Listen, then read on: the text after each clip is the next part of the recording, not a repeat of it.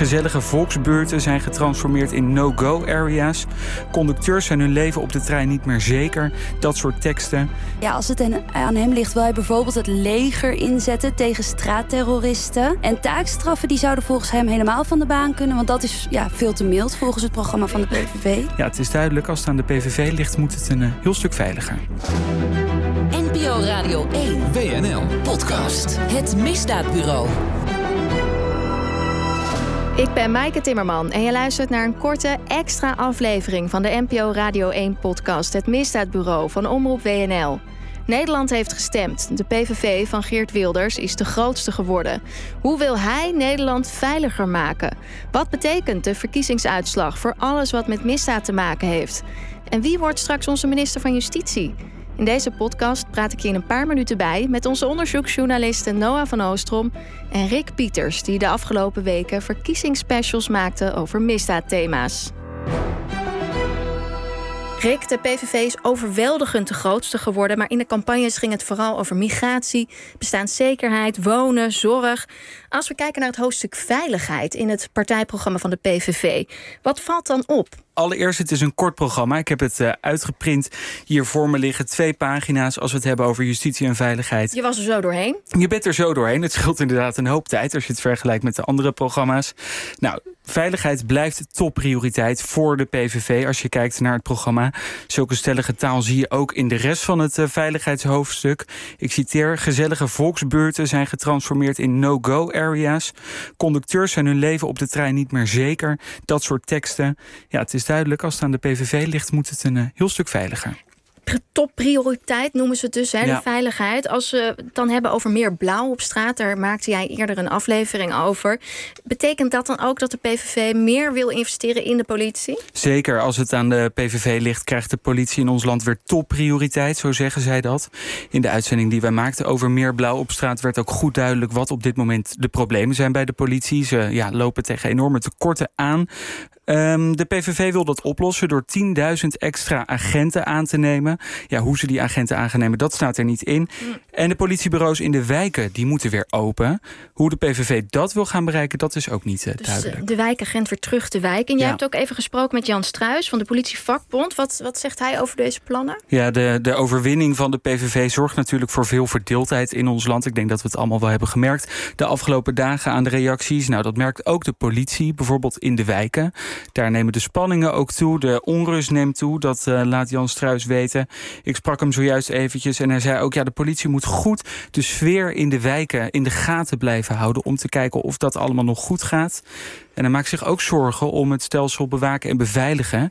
Uh, natuurlijk hebben heel veel politici helaas te maken met ja, ernstige bedreigingen. Niet in de laatste plaats Geert Wilders zelf natuurlijk. Zeker, ja. En uh, ja, ze maken zich bij de politiebond, waar Jan Struis van is natuurlijk ontzettend veel zorgen dat dat alleen nog maar toeneemt. Dat dat meer mensen worden op een gegeven moment die daarmee te maken krijgen. En als het gaat om die tekorten bij de politie?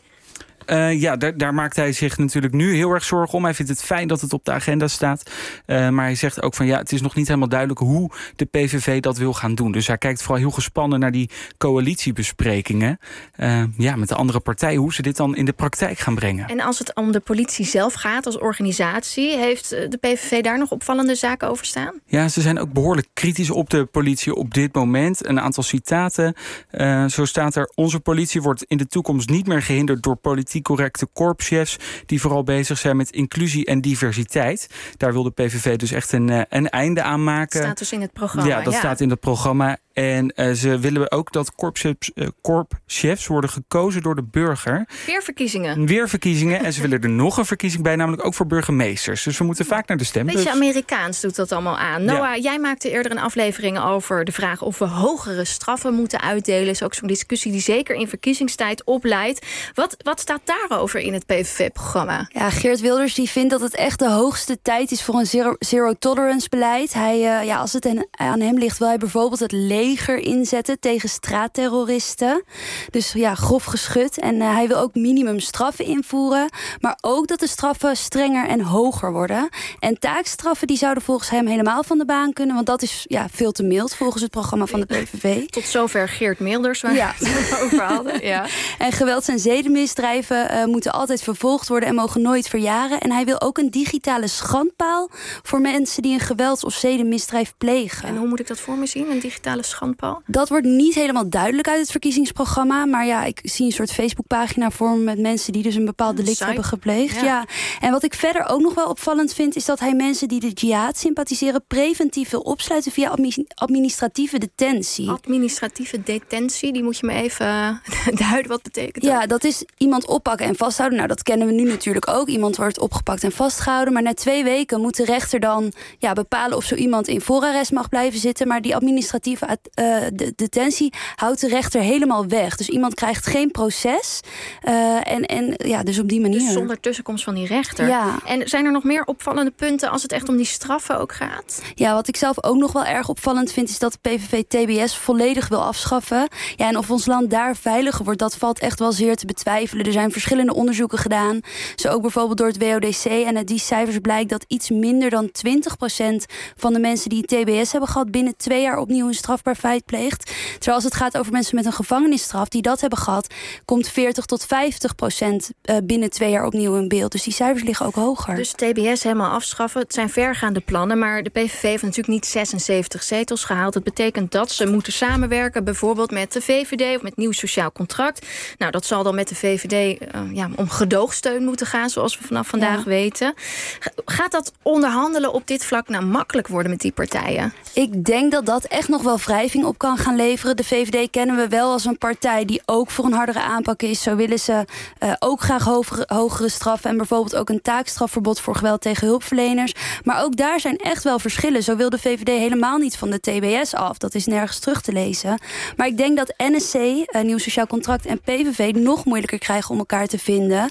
Uh, Judith Uitermark die was hier onlangs de gast en zij is oud-rechter, nummer drie van de lijst. Staat hoog op die lijst, ja. Hoog op de lijst van een Nieuw Sociaal Contract. En zij hebben echt een andere visie op straf. Hè. De georganiseerde criminaliteit die moet echt hard worden aangepakt. Maar over andere veel voorkomende, veel voorkomende criminaliteit denken zij echt anders. En daar vindt, uh, dat, uh, daar vindt NSC ook dat die verantwoordelijkheid helemaal niet bij de politiek ligt. Als we kijken naar hoeveel mensen in Nederland de rechter vertrouwen, dan, heeft, dan geniet de rechter heel veel vertrouwen. 70 van de mensen uh, vertrouwt de rechter in Nederland. Dan moet je er ook op vertrouwen dat die rechter, met alles wat er in de weegschaal van die rechter ligt, echt komt tot een goede straftoemeting. Ja, en, en dan VVD... is het dus ook niet nodig om die rechter te dwingen om bepaalde straffen niet op te leggen. Daar hebben we nou juist die rechter voor. Dus zij ziet juist heel veel heen, hè, die vrijheid voor de rechter, het vertrouwen in die rechter. Terwijl we natuurlijk Wilders daar toch wel eens uh, anders over horen. Uh, nou zou Rick, BBB, de boer-burgerbeweging, een sleutelrol kunnen krijgen in die formatie. Ook gezien de vele zetels die zij hebben in de Eerste Zeker, Kamer. Ja. Lijkt hun veiligheidsprogramma nou op dat van de PVV? Nou, het is allereerst een heel stuk uitgebreider dan dat van de PVV. Maar er zitten wel wat overeenkomsten in, in de hoofdlijnen. Vooral wat betreft de politie. Zij willen veel meer blauw op straat, net als de PVV. En ook de de wijkagent terug de wijk in, ook in de regio. Dus niet alleen in de Randstad. Dus dat, uh, dat komt overeen. Op het gebied van straffen wordt het wel weer wat ingewikkelder. Dan wordt het Noah net al zeggen, TBS afschaffen, dat is wat de PVV graag wil.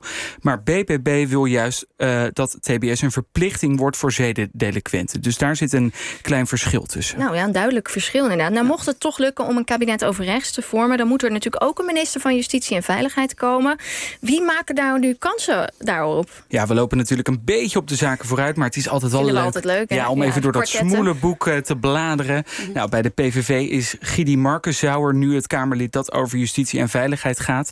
Dit na het vertrek van Lilian Helder. Zij stopte eerst helemaal als Kamerlid. Toen zei Dylan Jesselgus, de huidige demissionair uh, minister van Justitie, nog dat het een ontzettend groot gemis is. Waar dat, waardering dus. Ja, waardering. Zij zit inmiddels bij de BBB, dus zeker een geduchte kandidaat. Net als we hoorden er net al even Judith Uitenmark. De oud-rechter heeft een indruk indrukwekkend cv, zit nu bij NSC. Ja, en zette de deur vorige week heel stiekem een beetje op een kier bij ons in, uh, in, de, in de podcast. Zeker. Ja, en laten we vooral Dylan Jesselgus niet vergeten. Als het dan toch een coalitie wordt met de ja, VVD. Als het, ja, Je weet het nooit. Dit zei ze erover in Goedemorgen Nederland. Ja, het is wel echt het allermooiste, waarschijnlijk... Uh, sowieso wat ik tot nu toe in mijn leven heb gedaan... en waarschijnlijk ooit ga doen Behalve een paar andere functies die nog zouden kunnen. Uh, maar JNV is echt, echt geweldig, justitie en veiligheid. En waarom? Omdat het direct gaat over de leefwereld van mensen. En dit was dus van afgelopen dinsdag, de dag nog voor de verkiezingen. Ja, we hebben het dan nu over een nieuwe werkelijkheid, zoals ze dat dan zeggen.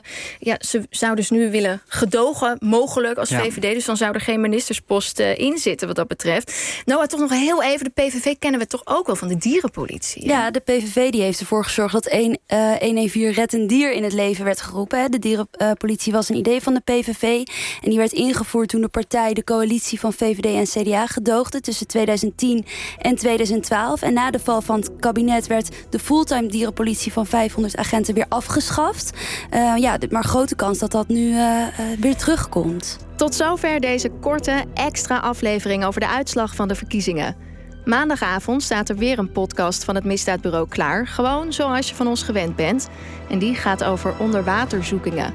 Abonneer je vooral om het niet te missen en druk dus even op het icoontje van het belletje of op de volgknop.